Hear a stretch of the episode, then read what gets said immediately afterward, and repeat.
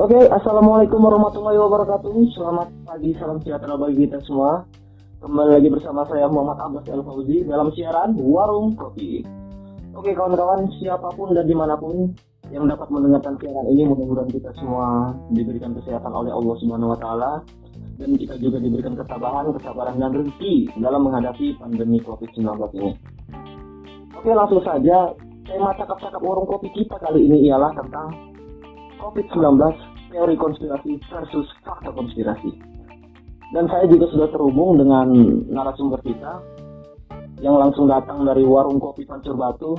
Beliau ini adalah salah satu mahasiswa dari unit pembelajaran jarak jauh Universitas Terbuka Medan. Beliau juga menjabat sebagai Kepala Divisi Keagamaan di Organisasi Ikatan Mahasiswa Universitas Terbuka Medan. Assalamualaikum, selamat pagi Ibnu Algani. Waalaikumsalam warahmatullahi wabarakatuh, sahabat Abbas. Ya, jadi kawan-kawan Ibnu ini adalah CS-nya awak juga ini kalau di kampus. Jadi beliau juga orangnya sangat sangat care, sangat kritis juga. Jadi makanya itu salah satu alasan saya mengajak beliau untuk uh, podcast bareng di siaran saya.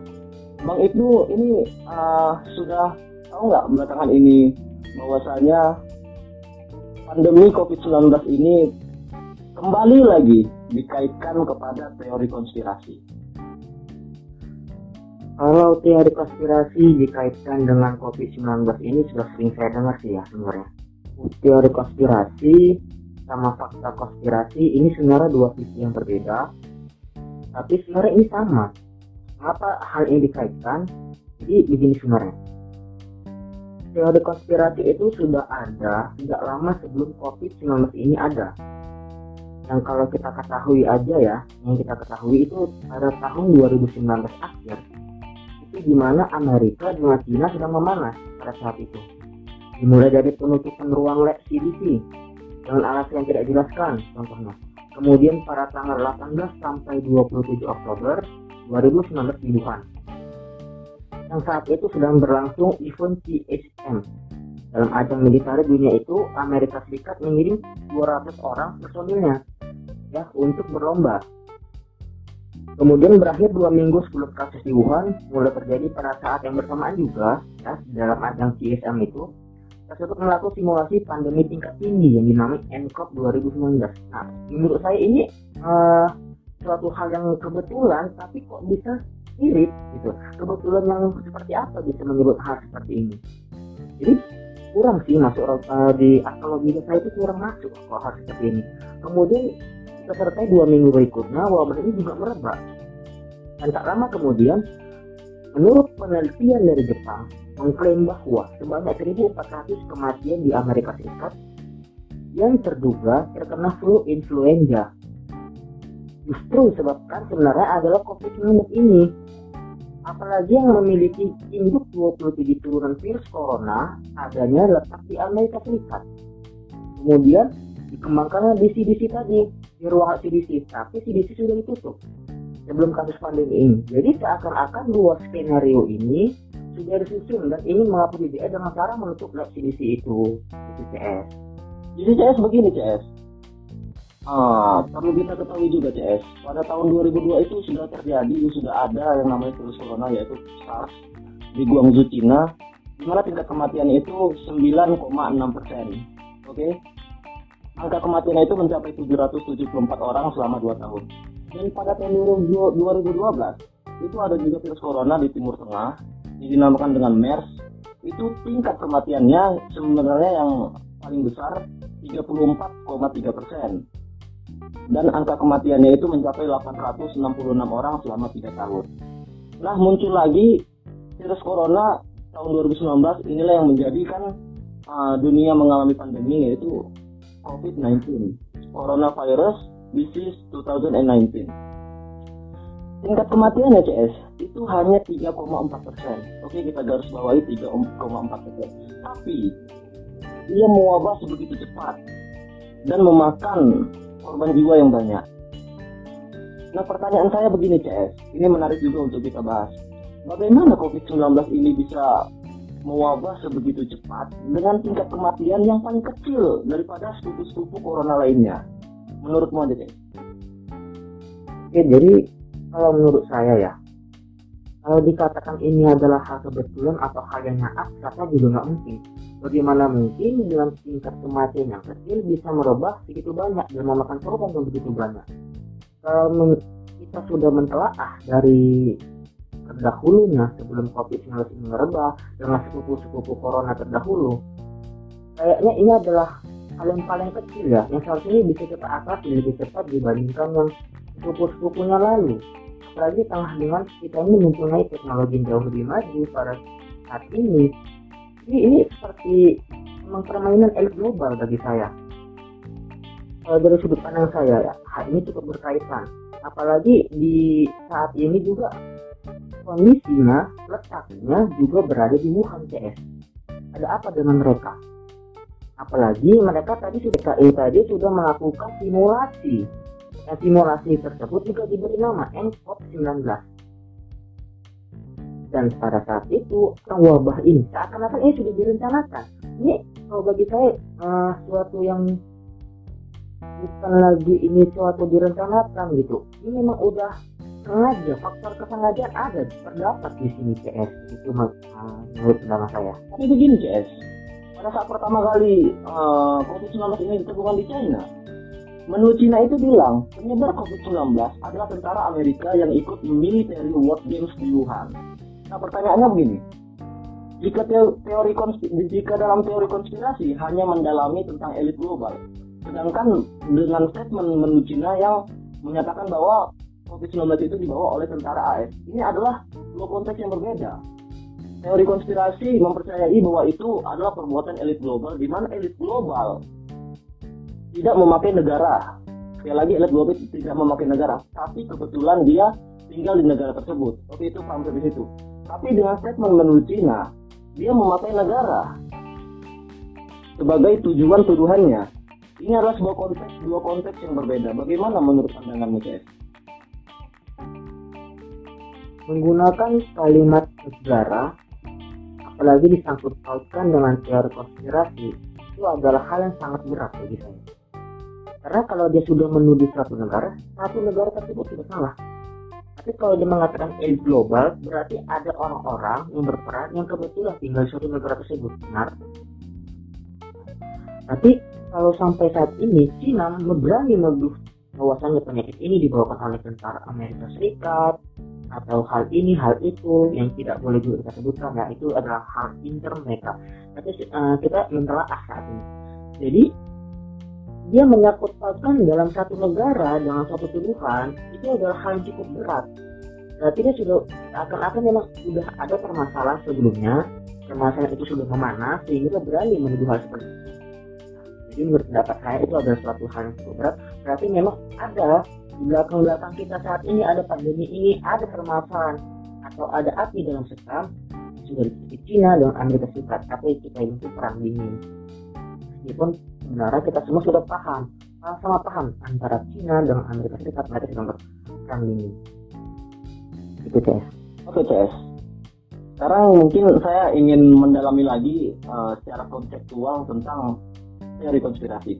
Dalam skenario elit global dalam teori konspirasi tentunya skenario elit global itu ada tiga CS yang pertama itu mereka tebar masalah Oke, okay? yang kedua itu mereka tebar fearsnya, ketakutan. Lewat apa? Lewat media-media massa yang mereka punya. Yang ketiga, lalu mereka menawarkan solusi. Tentu saja solusi ini yang ujung-ujungnya menguntungkan mereka dan menjebloskan kita ke neraka dunia. Menurutmu CS, benarkah teori konspirasi ini ujungnya adalah seperti itu? Kalau sampai sejauh ini teori konspirasi yang sudah berulang berulang berulang dari dulu sampai sekarang itu benar guys setuju dengan pendapat hal seperti itu. Pertama mereka yang mengimbuti virus ini dulu. Mereka yang dia itu membuat kedebar ketakutan dengan media kemudian mereka juga yang akan jadi pahlawannya CS jadi uh, dari kesimpulan yang kita ambil kenapa mereka yang harus menjadi pahlawannya sebelumnya kita harus lalu di tanda kutip berikutnya kenapa virus ini diciptakan? Kenapa konspirasi diciptakan? Berarti konspirasi diciptakan karena ada tujuan akhir benar? Nah tujuan akhirnya apa? Siapa yang menciptakan uh, konspirasi ini? Misalnya ada negara bagian A. Ketika negara bagian A menciptakan konspirasi maka dia juga yang akan mengakhiri konspirasi. Konspirasi tidak mungkin digunakan untuk menguntungkan negara bagian B, tidak mungkin. Karena dia menciptakannya seperti permainan catur CS. Dia memulai, dia akan mengakhiri. Jadi ketika dia sudah merebakkan virus, dia menyebarkan media, di saat semua orang tidak tahu lagi apa obatnya, sementara dia yang menyusun rencana dari awal, maka dialah yang tahu bagaimana cara menggagalkannya. Jadi itu udah pasti ya, tiga teori tersebut itu udah lama kita dengar, kita sudah tahu. Itu memang teori sudah berulang-ulang dari dahulu sampai sekarang. Konspirasi itu akan tetap ada. Itu CS. Oke CS, namun saya akan uh, menanya kepada Anda dari statement-statement Anda tadi um, itu menggambarkan bahwa CS ini adalah orang yang pro kepada teori konspirasi. Bagaimana CS? Apakah benar? Kalau saya sendiri pro teori konspirasi udah pasti pro. Oke, okay, CS. Berarti CS ini adalah aktivis, aktivis konspirasi. Oke CS. Selanjutnya ini saya ada mengutip CS dari telekonferensi pers yang disiarkan di YouTube resmi Kemendikbud RI. Nah, Mendikbud mengatakan Nadiem Makarim ia menolak teori konspirasi terkait virus corona. Dan ia juga mengatakan secara psikologis pemikiran itu adalah pemikiran yang malas. Nah, secara tidak langsung dia adalah meng, dia mengatakan kepada kita yang percaya percaya teori konspirasi ini benar adalah kita orang yang malas. Menurutmu bagaimana, Cek? Sebenarnya begini ya, dalam konspirasi pers itu yang kalau salah itu disebar disiarkan di YouTube channel YouTube. Nah, di situ ada terdapat kalimat seperti ini, Ces. Masyarakat tidak menerima keadaan yang terjadi pada saat ini, padahal para pakar saintis juga sudah menduga hal-hal ini yang terjadi adalah sudah diprediksi bertahun-tahun lalu. Sehingga teori konspirasi adalah teori orang malas yang mencari-cari kesalahan orang untuk disalahkan akan pandemi ini. Kurang lebih kalimatnya seperti itu, guys. Saya memang bilang kalau saya itu adalah orang yang pro konspirasi, tapi bukan menutup kemungkinan untuk diri saya, saya tidak setuju dengan Pak Nadiem atau Menteri Pendidikan uh, Menteri Pendidikan kita. Saya sudah setuju. Kenapa? Ayo coba kita telah ya dari kalimat seperti bahasanya itu seperti ini. Masyarakat tidak menerima keadaan seperti ini terjadi. Masyarakat tidak menerima keadaan seperti terjadi. Ada kalimat tidak menerima situ. Padahal para pakar saintis juga sudah menduga kalau hal ini terjadi sudah diprediksi bertahun-tahun lalu. Jadi sebenarnya gini ya, yang dikatakan itu betul, tapi hal ini ada hubungannya dengan kesempatan elit global yang memanfaatkan hal ini PS. Berdasarkan skenario sudah ada. Jangankan hal global ya, di negara kita sendiri itu udah jelas ada yang untuk apa faedahnya kalau kita tuh udah dalam keadaan pandemi karena asimilasi dibebaskan itu apa coba sudah tahu kalau hal ini terjadi pandemi hal ini juga dimanfaatkan. Itu permasalahannya. Kan nggak masuk di akal CS kita ambil sisi positifnya. Tapi jangan pula kita ambil uh, bukan berarti saya itu tidak setuju tidak. Tapi kita ambil juga posisi uh, sifat positif dari kalimat ini.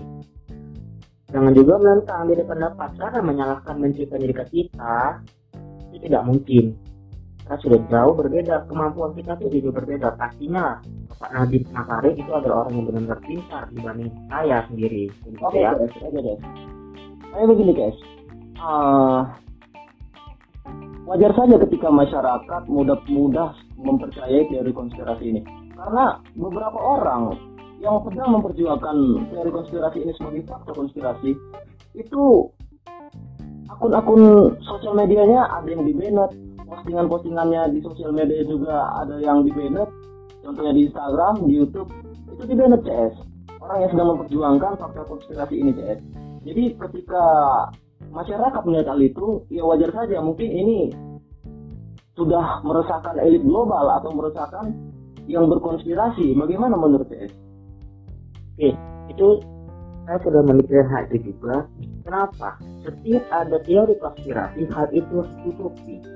Benar kan? Tapi tadi kalau kita ambil kesimpulannya ya, ini masih berkaitan dengan perkataan Menteri Nadiem Makarim tadi. Kalau kita ambil sisi positifnya tadi ya ini sisi positifnya. Kita belum berpihak kepada yang berikutnya ya. Sisi positifnya itu gini menteri kita itu ingin kita tidak terprovokasi pada saat pandemi hal seperti ini. Untuk apa? Agar kita tidak menimbulkan kekacauan. Tapi bukan berarti para elit global kita tidak tahu. Tahu tapi masalahnya mereka sedang menutupinya. Permasalahan ini bukan permasalahan yang baru lagi. Dan teori konspirasinya juga sudah ada. Dan ini juga permainan elit global. Bukan hanya elit global tapi elit global dan lokal. Dan juga dari kata-katanya itu saya ambil kesimpulan CS bahwa kita jangan hanya bisa menyalahkan orang lain. Karena kalau hanya salah dan menyalahkan itu yang benar sikap orang malas yang kita butuhkan saat ini itu bersatu. Meskipun kita tahu adanya konspirasi yang kita itu tetap harus bersatu. Kita lawan dengan tindakan bukan hanya dengan ucapan. Gitu CS CS kalau tadi CS mengatakan bahwa ini ada elit global dan lokal berarti dari segmen CS itu konspirasi ini ah, bukan hanya elit global konspirasi ini juga ada ada di negara kita CS ya bagi saya itu benar.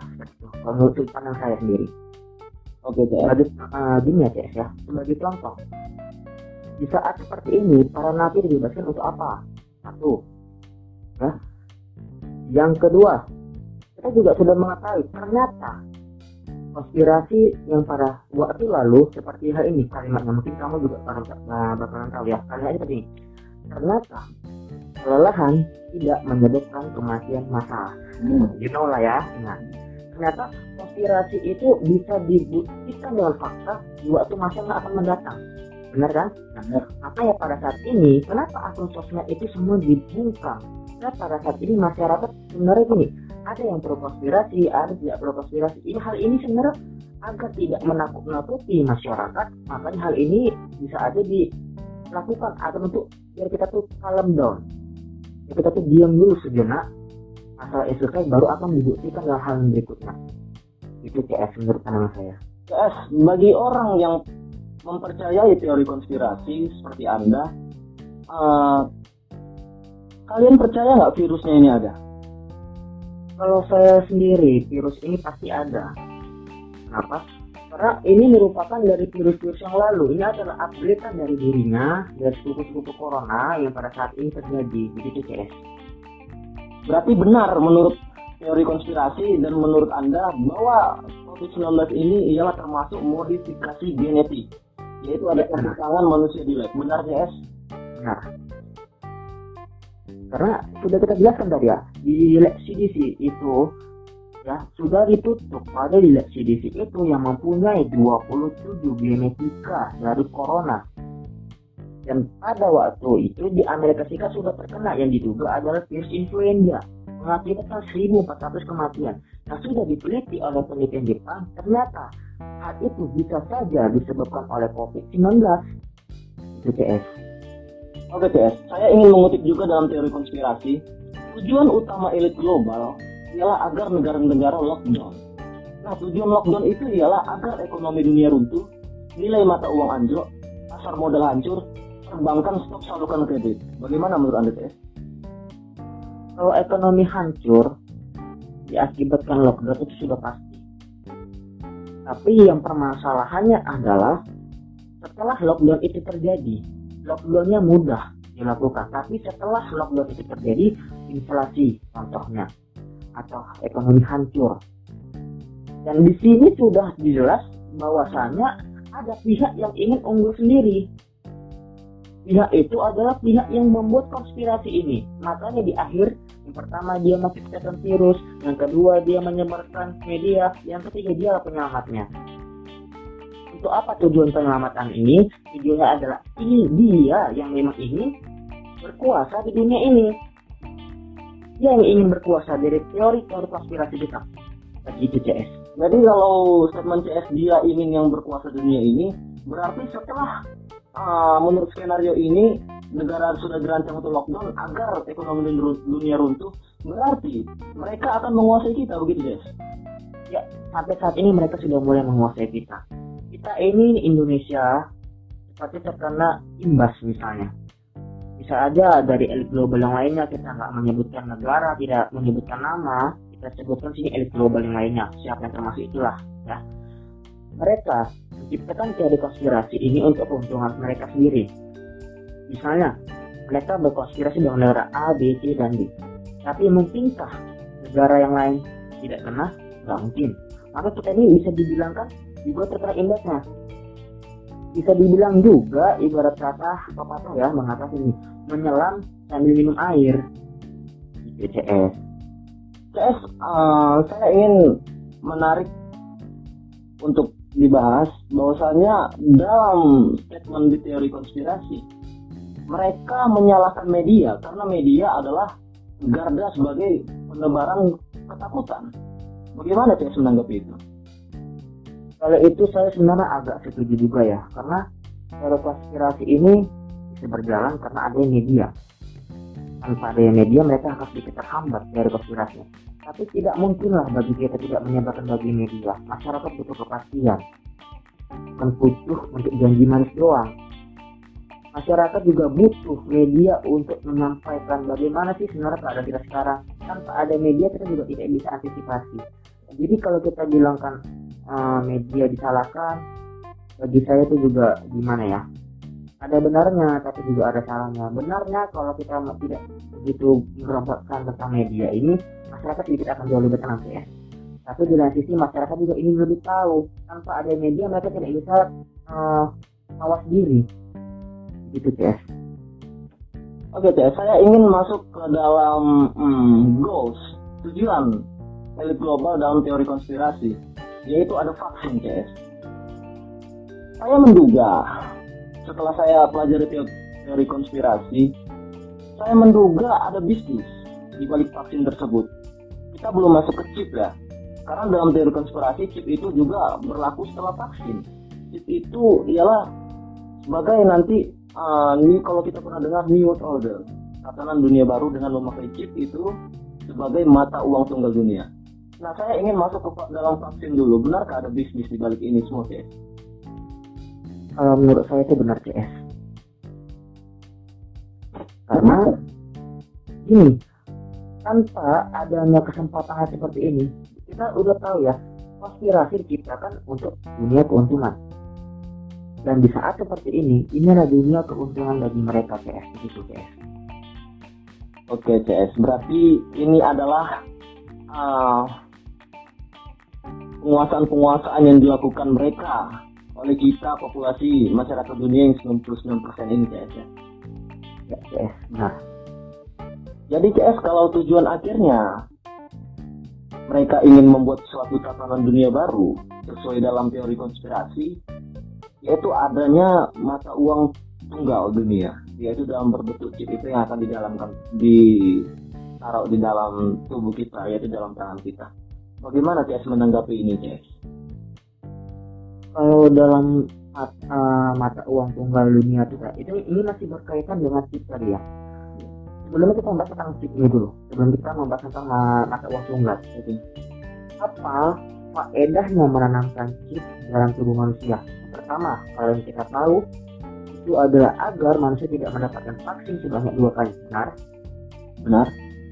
Kalau begitu hal ini sudah dirancang bahwasanya vaksin ini memang akan dibatasi proses produksinya. Sudah jelas di sini. Proses produksinya yang dibatasi sehingga kita harus antisipasi bagaimana caranya ini tidak habis. Atau satu cara ya dengan cara menanamkan vaksin agar satu orang yang mendapatkan data satu. Sampai nanti puncak titik kritisnya di mana vaksin ini dengan alasan habis lah atau alasan ini itulah bahkan nanti pada saat itu kita berebut hanya demi sebuah vaksin. Maka pada saat itulah vaksin itu dijual.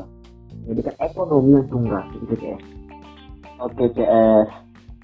Mungkin CS ah, sebagai saya simpulkan dari beberapa statement CS ini dalam skenario elit global intinya permasalahan yang diciptakan mereka kalau dalam konteks ini ialah virus corona itu ialah sengaja dibuat dibuat mereka supaya rakyat dunia lemah agar mereka mudah berkuasa. Setuju deh? Setuju saya, sangat setuju. Karena ini faktanya dari berdasarkan fakta yang kita kumpulkan ini sudah jelas ya. Jadi saya benar kalau saya setuju. Oke. Oke CS, mungkin terima kasih untuk waktunya sudah uh, bergabung di cakap-cakap warung kopi bersama saya. Mungkin next nanti kita akan membahas yang lebih dalam lagi tentang uh, tema-tema kita yang menarik yang selanjutnya akan kita bahas CS. Terima kasih CS Ibnu. Ya sama-sama CS Abbas. Sampai berjumpa lagi mudah-mudahan sehat semua satu keluarga kita sehat dan juga semua kita yang mendengarkan siaran ini diberi kesehatan oleh Allah SWT. Amin. Terima kasih. Pada undur diri. Assalamualaikum warahmatullahi wabarakatuh. Waalaikumsalam warahmatullahi wabarakatuh.